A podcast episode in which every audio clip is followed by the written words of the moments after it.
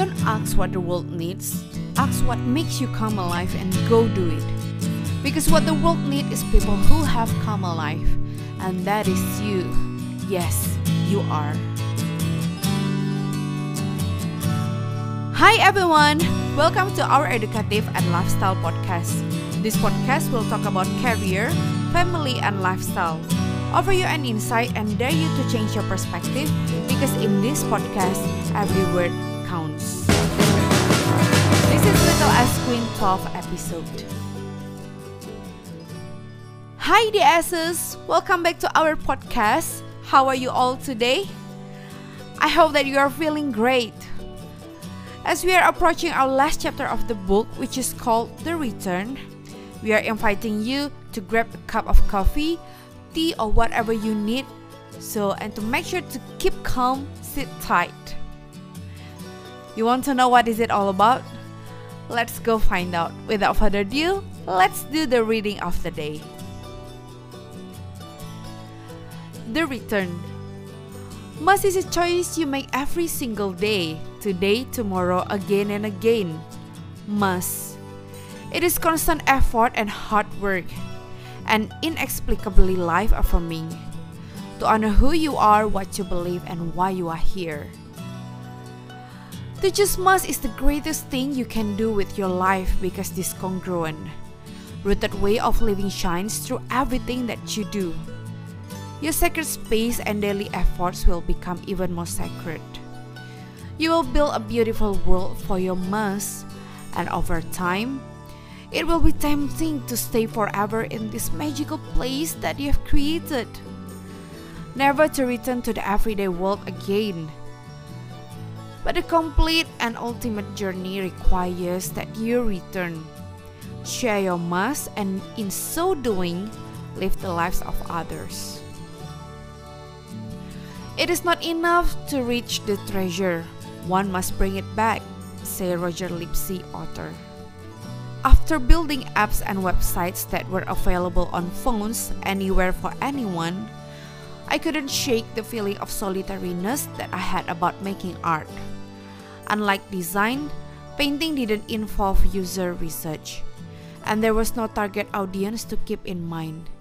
It was just me in a room alone making art, and my concern grew.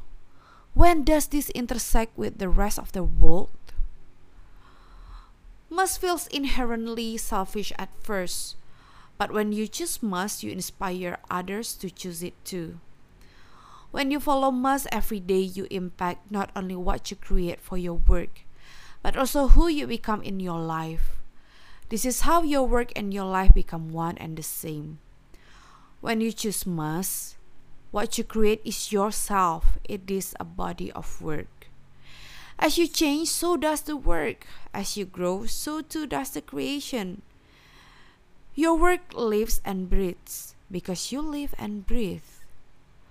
When you live the fullness of your life, you live the collective human experience. As William Blake wrote, everything that lives lives not alone, not for itself. Here, there is no longer a divide between you and others or giving and receiving. It is all one and the same. A fluid dance, a constant conversation where we can no longer tell where one ends and the other begins. So, how will you connect with others with your work and your life? For example, you can start a blog, you can post a photo to Instagram, live stories on the bus, be a volunteer, work with kids, write messages on sidewalks with chalk, paint art on found objects, make temporary tattoos, share your thoughts with others people, be a mentor or tutor, write an essay, begin a weekly call with like minded people, join a start a book club, put up a wheat paste poster in public, or you can start a special interest group at work. So, here it is, here we are for the last chapter, part one. This is what I learned. I was questioning myself a few days ago whether the path that I take is a selfish action or not. I had this fight on my thoughts that the calling should not be selfish. It's supposed to be life giving, aka selfless. I'm pondering on these thoughts quite sometimes till I read the chapter again today. Either from the way, and then I have come to understand the sentence that Elle Luna written somewhere in the beginning of the chapter that said, We are no longer go to work, we are the work. The work is our breath, and the work lives. It should changes over times as I grew up and it should changes over time as you grow up as well. So, do not be afraid if your must now seems selfish, because it takes courage and character to build sustainable must. I urge you to never stop working on yourself. Keep looking, keep hungry of new things. Above all, be patient on the process because what we aim is progression and not perfection.